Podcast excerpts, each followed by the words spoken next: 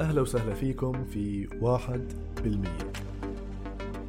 بودكاست عن مواضيع صحية وعلمية وحياتية. الهدف منها أنه نتعلم ونحسن صحتنا وحياتنا ولو واحد بالمية.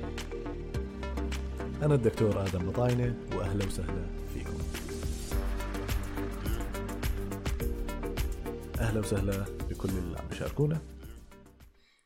أنا من الناس اللي كثير مهتم بالوقاية من الأمراض قبل علاجها يعني واحدة من أهم الأشياء اللي آه، بنقدر نستخدمها بالوقاية من الأمراض آه، غير آه، الرياضة والصيام والشغلات اللي دائما بنحكي فيها هي الأكل. كلنا لازم ناكل وكلنا عندنا حمية غذائية معينة بنتبعها بغض النظر هل هي حمية غذائية صحية أو هل هي حمية غذائية مقصودة. كلنا لازم ناكل فكلنا لازم نتبع وكلنا يعني غصبا عنا بنتبع نوع من أنواع الدايت أو الحميه الغذائية أو النظام الغذائي. فطبعا كثير ناس بيعرفوا إنه أنا بجانب كوني كطبيب باطني بشتغل مع شركة بتختص بعلاج مرض السكري عن بعد.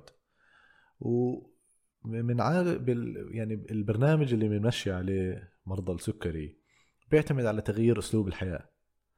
و فهذا الموضوع زاد اهتمامي بكثير كثير بموضوع التغذية وعلاقتها بالأمراض المزمنة.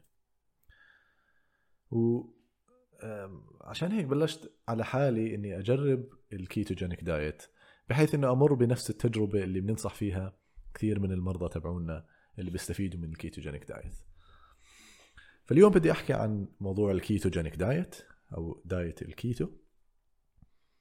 بدي أحكي أول شيء عن الموضوع من ناحية بيولوجية أو فسيولوجية.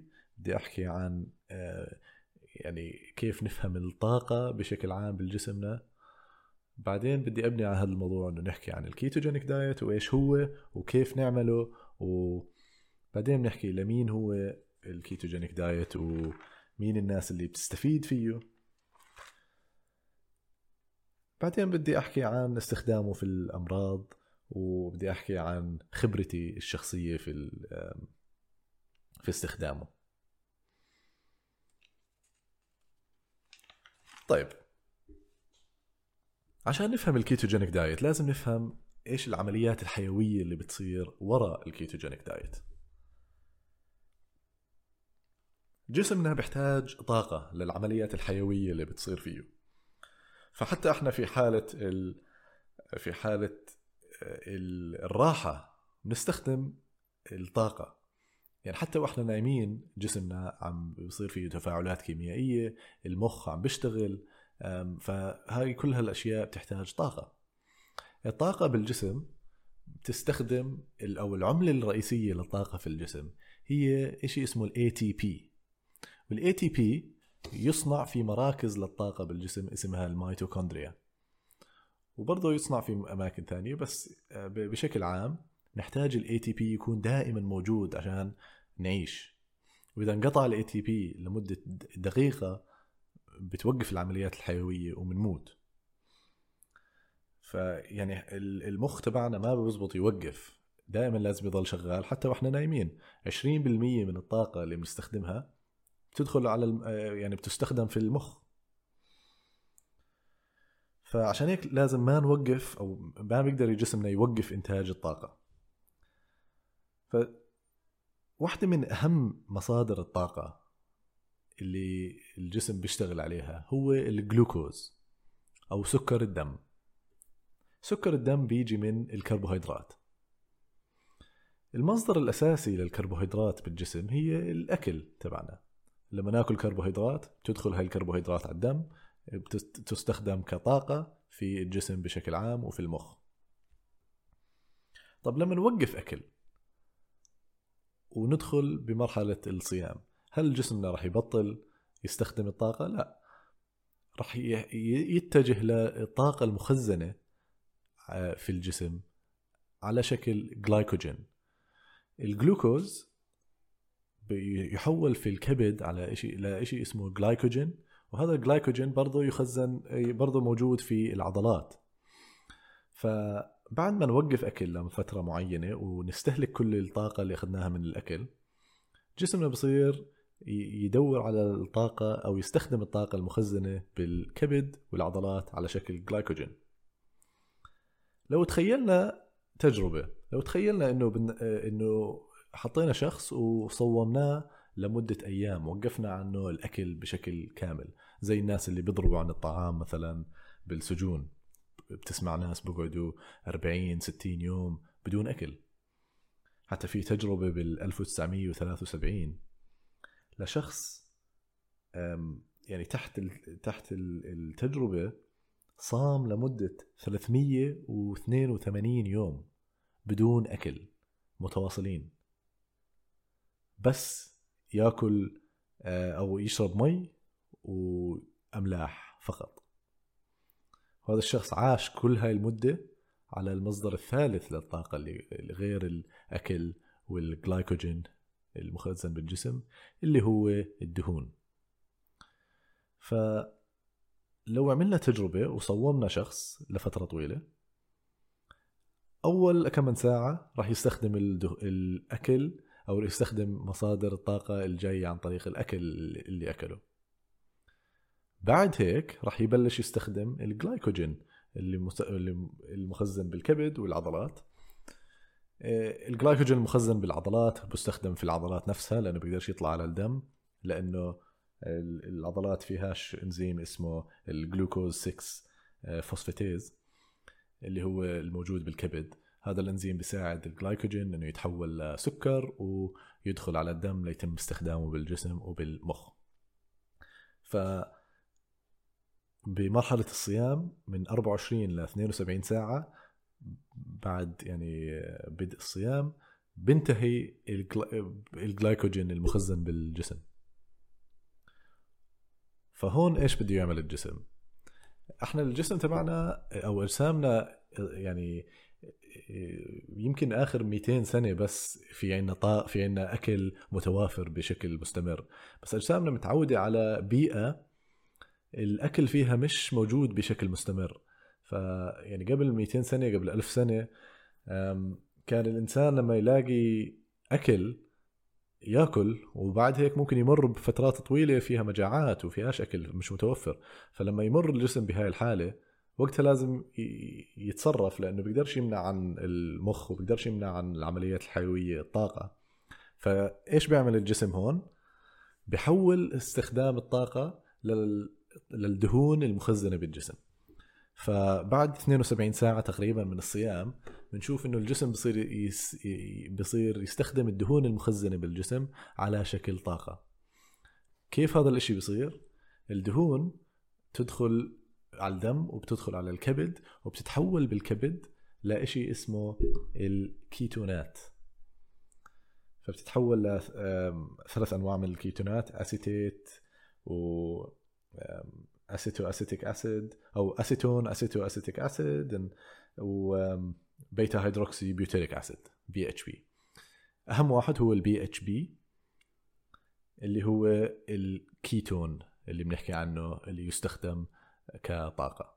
فهاي الكيتونات بتروح على الجسم وبتروح على المخ ويتم استهلاكها كطاقة بدلا من الجلوكوز لأنه الجلوكوز مش متوفر. ف فعليا خلي يعني إذا بنفكر بالموضوع كالتالي المص... الجسم بيقدر يس... يحفظ طاقة للمدى القصير لمدة كم من يوم على شكل جلايكوجين في. في الكبد وفي العضلات يعني ال... الكبد بيقدر يحفظ تقريبا 100 ل 120 جرام آه، من. من الكربوهيدرات من الكربوهيدرات فبس تخلص هاي وبرضه العضلات ممكن يعني تحفظ نسبة أكبر يعني يمكن 300 ل 300 جرام من الكربوهيدرات فبس يخلصوا هدول الكربوهيدرات المحفوظين على شكل جلايكوجين لازم نبلش نستخدم الدهون. فهاي الدهون اللي بتتحول ل ketones وبتم استخدامها كطاقة. وهاي هي الفكرة من ال ketogenic diet ال ketogenic diet هو تدريب للجسم تبعنا إنه يستخدم الكيتونات في كطاقة. ففي مصدرين من الطاقة رئيسيين بيقدر يستخدمهم الجسم الجلوكوز والكيتونز بالحالة العادية وبالحالة الأكل الكربوهيدرات جسمنا بيستخدم الجلوكوز وبعدين بس بحالة عدم وجود الجلوكوز بصير يستخدم الكيتون اللي جاي من الدهون. ففعليا ال ketogenic diet هو تدريب لجسمنا إنه يصير محرقة للدهون.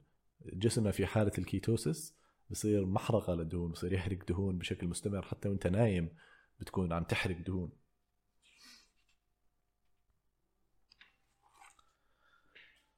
طيب طيب. فعشان هيك بنعرف ال ketogenic diet هو ال diet اللي بيدرب الجسم إنه يصير يستخدم الكيتونات. كيف ندخل بال ketogenic diet؟ نقدر ندخل زي ما حكينا عن طريق الصيام الطويل بس طبعا يعني قليل جدا من الناس بيقدر يصوم 72 ساعة مع إنه في ناس بيعملوها. ويعني على فكرة الصيام الطويل المدى مش مؤذي. بالعكس له يعني آه، له فوائد صحية جدا كبيرة وفي كثير ناس بيعملوها. في ناس بصوموا لمدة سبع أيام كل كم من شهر. طبعا الصيام يعني بهاي الطريقة مش هو الصيام الإسلامي آه، هو صيام كامل لمدة أيام بدون ما ناكل ولا إشي. بس طبعا لازم نشرب مي ولازم آه، نعوض ال ال الأملاح اللي بنخسرها. فهي طريقة إنه ندخل بحالة ال keto ال ketosis اللي هي حالة استخدام جسمنا للدهون. بس في طريقة ثانية اللي هو ال ketogenic diet اللي هو ننزل مست أو نسبة الكربوهيدرات اللي بناكلها بال diet تبعنا لأقل من تقريبا 50 جرام باليوم. فالفكرة إنه نعتمد إنه نبطل ناكل كربوهيدرات بشكل آه، كامل. فنقطع السكر الخبز الرز آه، الباستا أي الأشياء المصنعة اللي فيها سكريات أو كربوهيدرات. وبالمقابل تأكل لحمة سمك آه، بيض آه، زبدة دهون مفيدة ودهون طبيعية. فهاي الأشياء فالهدف منها إنه نحول نستنزف الطاقة المخزنة على شكل كربوهيدرات بالكبد وبالعضلات ونحول استخدامنا لإيش؟ الدهون المخزنة بالجسم. وبرضه بعد هيك بنصير نستخدم الدهون اللي عم ناكلها. فاحنا بنرفع نسبة الدهون وبنقلل نسبة الكربوهيدرات. طب البروتين؟ البروتين سؤال مهم وسؤال يعني عليه اختلاف ولكن أنا برأيي نسبة البروتين اللي لازم ناكلها بتختلف طبعا من شخص لشخص وحسب الكتلة العضلية وحسب الشخص قد إيه هو يعني بيتحرك. بس بشكل عام أقل يعني أقل نسبة لنسبه بروتين لازم ناكلها تقريبا 0.8 يعني 0.8 لكل كيلوغرام باليوم. طبعا نحكي لما نحكي لكل كيلوغرام مش كي لكل كيلوغرام من وزنك هو لكل كيلوغرام من الوزن المثالي تبعك. فبنطلع شيء شيء اسمه ال ideal body weight بنحسب 0.8 جرام لكل كيلو. وهذا بكون أقل ال minimum intake بس عشان يعني آه يعني نحافظ على البروتين تبعنا. بس البروتين انتيك الصحي أو كمية البروتين الصحية أكثر من هيك. ممكن نرفعها لحد واحد ونص جرام لكل كيلو في اليوم. ويعني في دلائل تشير إنه يعني هاي مش شيء مرتفع كثير يعني في تجربة انعملت على آه، على مجموعتين مجموعة أعطوهم بس الاختلاف الوحيد بين بينهم بال diet تبعهم كان إنه نسبة البروتين بالمجموعة الأولى كانت 0.8 جرام لكل كيلو جرام باليوم والثانية المجموعة الثانية كانت نسبة البروتين 1.4 آه، لكل كيلو جرام لكل آه، في اليوم ووجدوا إنه النسبة الناس اللي أخذوا بروتين أعلى كان أقل عندهم أو زادت عندهم الكتلة العضلية وكانت أقل عندهم الضمور بالعضلات. مع العمر مهم جدا نحافظ على الكتلة العضلية تبعتنا لأنه مع العمر بصير عندنا شيء اسمه ساركوبينيا اللي هو ضمور العضلات. العضلات مهمة حتى للإناث للذكور وللإناث. ليش؟ لأنه هي فعليا محرقة للطاقة ومحرقة للجلوكوز والكربوهيدرات اللي بتدخل على جسمنا فالناس اللي عندهم عضلات صحية ومنيحة وكتلة عضلية مناسبة آه، هذول الناس ما يعني بصير عندهم آه، تراكم للسكر بالدم لأنه كله عم بروح على العضلات وبرضه العضلات بتحمينا لبعدين من الهرم والكسور فالعضلات مهمة آه، بشكل عام مع العمر. فأنا برأيي يعني كمية بروتين صحية هي 1.5 آه، جرام لكل كيلو جرام من ال ideal body weight أو من الوزن المثالي في اليوم. فإذا بنضيف لهذا الإشي آه، كمية كربوهيدرات قليلة مع تمارين رياضية خاصة تمارين القوة اللي هي تمارين ال resistance مع الصيام المتقطع أو ال time restricted feeding بنشوف يعني نقصان بالوزن وبنشوف زيادة صحية كبيرة جدا لمعظم الناس. طبعا من وين بنجيب البروتين؟ في مصادر حيوانية ومصادر نباتية. يعني الثنتين ما بيفرقوا بس هم بيفرقوا المصادر الحيوانية لها أعلى بإشي اسمه bioavailability أو تنتشر بالجسم بشكل أسرع وبشكل أفضل. ف يعني أنا أنا شخصيا بنصح بالمصادر الحيوانية أكثر من المصادر النباتية بس للناس النباتيين بيقدروا يحصلوا على نسبة مناسبة من البروتين إذا عملوها بالطريقة الصح. فالفكرة إنه مش كل الناس لازم يعملوا ketogenic diet بس معظم الناس لو عملوا كيتو راح يستفيدوا. هو مش مضر. غير إذا عندك النوع الأول من السكري. أو إذا عندك النوع الثاني من السكري كثير متقدم لدرجة إنه البنكرياس ما بفرز إنسولين بالمرة. فوقتها ممكن يكون مضر. بس غير هيك مش مضر لمعظم الناس. فبالعكس هو مفيد لأنه معظم الناس أصلا ما بتمشي على diet صحي. يعني معظم الناس بيعتمدوا كثير على الكربوهيدرات البسيطة بيعتمدوا على الكربوهيدرات الرديئة على المواد المصنعة. فكل هاي الشغلات لو نشيلها ونتبع keto diet راح يكون إشي كثير رائع. هلا طبعا هو صعب شوي على كل لكثير من الناس وهلا بنحكي عن هذا الموضوع. لمين هو ال ketogenic diet اولا في بعض الأمراض الناس اللي عندهم أمراض مزمنة بيستفيدوا كثير من ال ketogenic diet. وأولهم أولهم هو الناس اللي عندهم النوع الثاني من السكري. النوع الثاني من السكري هو آه، نوع من السكري ينتج عن أو المشكلة الرئيسية فيه هو ارتفاع الارتفاع المستمر للإنسولين. الناتج عن الارتفاع المستمر لسكر الدم. ليش سكر الدم بيكون مرتفع عند الناس اللي عندهم سكري؟ لأنه مش عم بدخل على الخلايا الانسولين بالعادة بالإنسان الصحي بس يدخل تدخل الكربوهيدرات على آه، من الأكل إلى الدم. تدخل الكربوهيدرات من الدم إلى الخلايا عن طريق شيء اسمه الإنسولين.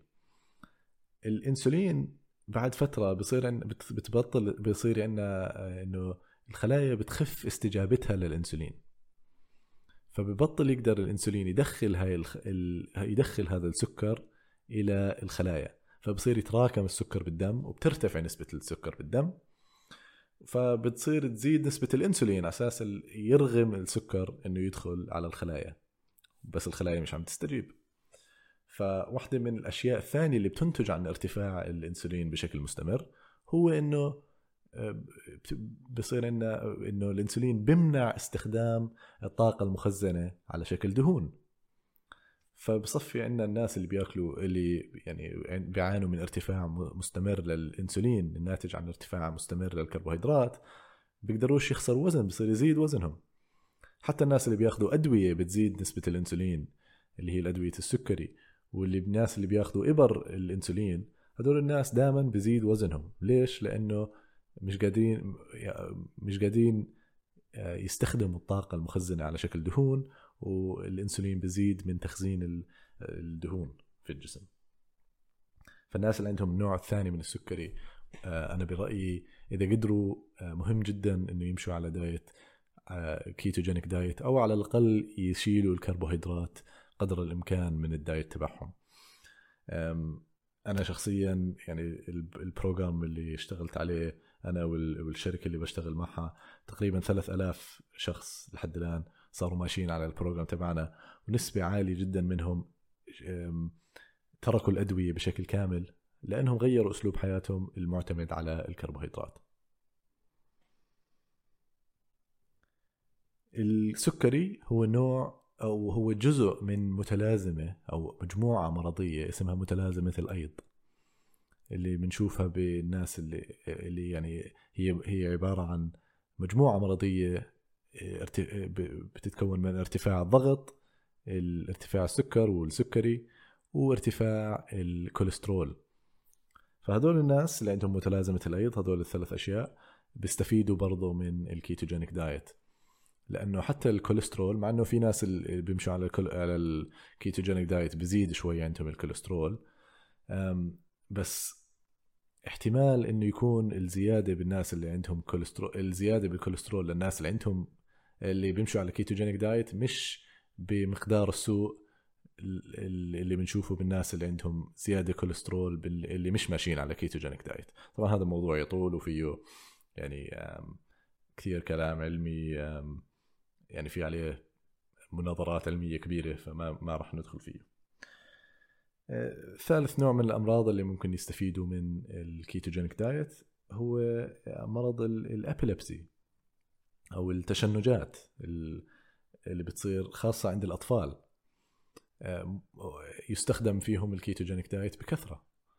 آه، طبعا ينصح إنه يستخدم بعد محاولة استخدام الأدوية العادية. إذا الأدوية العادية ما زبطت ممكن بعدين نحاول نستخدم ال ketogenic diet خاصة بالأطفال لأنه الأطفال يعني صعب شوي نمشيهم على diet معين. في ناس بيستفيدوا منه اللي الناس اللي عندهم مرض القولون العصبي أو ال IBS طبعا يعني لسه هذا الحكي مش مثبت ومش لكل الناس بس في كثير ناس بيستفيدوا من ال ketogenic diet. وطبعا للأشخاص العاديين من الأشياء الكويسة لل ketogenic diet هو بساعد جدا لحرق الدهون. فإذا مشينا على ال ketogenic diet وإحنا هدفنا إن نحرق الدهون آه، ال ketogenic ال ketogenic diet مناسب جدا لنا ثاني شيء واحدة من الأشياء المفيدة إنه بيقلل آه، أو بزيد استجابة الخلايا للإنسولين. واحدة من المشاكل اللي المزمنة هي عدم استجابة الخلايا للإنسولين مع الوقت وهذا الإشي مع الوقت بصير بتطور لسكري. طبعا السكري في له مراحل في ما قبل السكري في ما قبل ما قبل السكري. ف يعني للناس اللي ما عندهم مشاكل صحية المعتمد بس ال diet تبعهم معتمد كثير على الكربوهيدرات مش غلط إنه من فترة لفترة يعملوا ال ketogenic diet بحيث إنه يدربوا الخلايا تبعتهم أو يريحوا الخلايا تبعتهم من الارتفاع المستمر للإنسولين والكربوهيدرات. ف يعني أنا بنصح الناس العاديين حتى اللي ما عندهم هاي الأمراض إنه يجربوا ال ketogenic diet لفترات متقطعة إذا قدروا لأنه واحدة من الأدوات المهمة اللي ممكن نستعملها هي والصيام. طبعا الصيام واحدة من الأدوات الثانية ممكن نعمل حلقة كاملة عن الصيام. طيب كيف نعرف إنه إحنا بال... وصلنا مرحلة الكيتو؟ هلا زي ما بنقدر نقيس سكر الدم مستوى سكر الدم عن طريق قطرات الدم نقدر نقيس آه، مستوى ال ketones بالدم. ففي جهاز بقيس من نسبة البيتا آه، hydroxybutyrate اللي هو الكيتون الأساسي. آه، بالعادة بيكون أقل من 0.3 الكيتون العادي نسبة الكيتون بالناس اللي مش على ال ketogenic diet. بحالة ال ketosis يعني إحنا بنحكي إنه الواحد بدخل بمرحلة ال ketosis بعد ما يرتفع آه، الكيتون ل آه، لنسبة 0.5 وأكثر. فمن 0.5 أو 0.5 ل 3 هاي ال... هذا ال range بنسميه nutritional ketosis ال ketosis الصحي. طبعا إذا زادت الكيتونات كثير أكثر من هيك ممكن تكون راح راح تؤدي إلى زيادة حموضة الدم وبتؤدي إلى مشاكل خطيرة جدا. بس بالناس العاديين اللي ما عندهم السكري من النوع الأول وما عندهم سكري من النوع الثاني اللي advanced و يعني بمراحله المتأخرة جدا معظم الناس ما راح يدخلوا بهاي الحالة ومش لازم يخافوا إنه يدخلوا بمرحلة الحموضة أو نسميها ketoacidosis يعني زي ما حكينا في تجارب لناس صاموا 40 يوم وفي تجربة لشخص صام 382 يوم وما دخل بحالة ketoacidosis ف يعني هاي بشكل عام ال... كيف إيش هو ال ketogenic diet؟ كيف نحسب الكيتو تبعنا؟ أو كيف نعرف إنه إحنا دخلنا بحالة ال ketosis إيش الأشياء اللي نأكلها عشان ندخل بحالة ال ketosis حكينا كربوهيدرات أقل من 50 جرام حسب الحركة تبعتنا. طبعا في شيء مهم نعرفه إنه إحنا لازم نحسب ال net carb أحيانا واحيانا وال total carb الفرق بين الثنتين في كثير يعني مواد غذائية ويعني خضروات الأشياء الطبيعية بكون فيها الكربوهيدرات بتكون مقسمة إلى fiber و non-fiber ال fiber هو نوع من أنواع الكربوهيدرات بس لا يتم امتصاصه بيطلع مع البراز. فهذا بناكله وما يعني مش لازم نحسبه. فلما ناكل كربوهيدرات طبيعية بدنا بدنا نحسب ال total كربوهيدرات تبعت عدد الكربوهيدرات ال total وننقص منه عدد ال fiber وهيك بنوصل لشيء اسمه ال net carb وهذا الشيء اللي بدخل بحساباتنا بدنا يكون أقل من 50 جرام. بس إذا بناكل مواد مصنعة المواد المصنعة بالعادة ما بيكون فيها fiber فهيك بنحسب ال total carb طبعا هاي يعني تفاصيل مش كثير مهمة لمعظم الناس. بشكل عام إنه نحصر الكربوهيدرات أقل من 50 جرام باليوم. معظم الناس راح يدخلوا بحالة ال ketosis بعد فترة معينة. تقريبا بعد كم من يوم بصير الواحد يدخل بمرحلة ال ketosis بعد أسبوع أو أسبوعين حتى عبين ما يدخل بمرحلة ال ketosis بشكلها الكلي.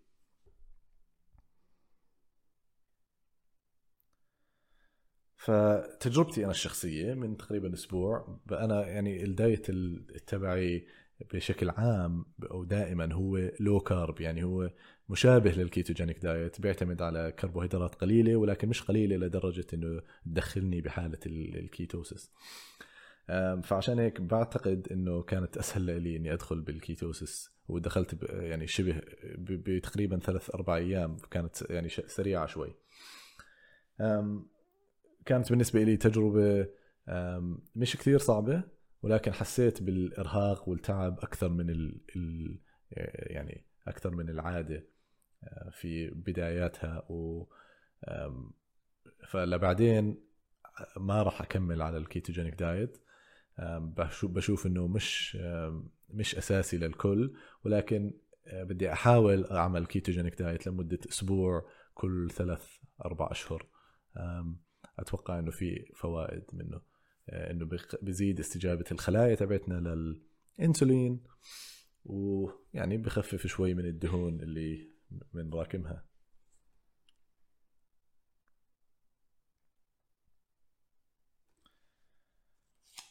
وطبعا إذا يعني من بنضيف للكيتوجينيك دايت أو للكربوهيدرات القليلة آه، أشياء مثل الصيام والرياضة هاي كلها أدوات بنقدر نستخدمها إنه نتحكم بصحتنا ونزيد صحتنا ونزيد من كفاءة الاستجابة للإنسولين وعمليات الأيض تبعتنا. فخلينا نوقف هون.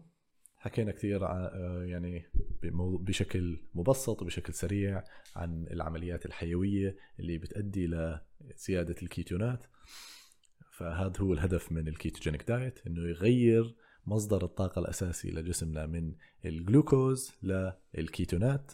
الكيتونات بتيجي من الدهون ممكن تيجي من الدهون المخزنة بالجسم أو من الدهون اللي بناكلها.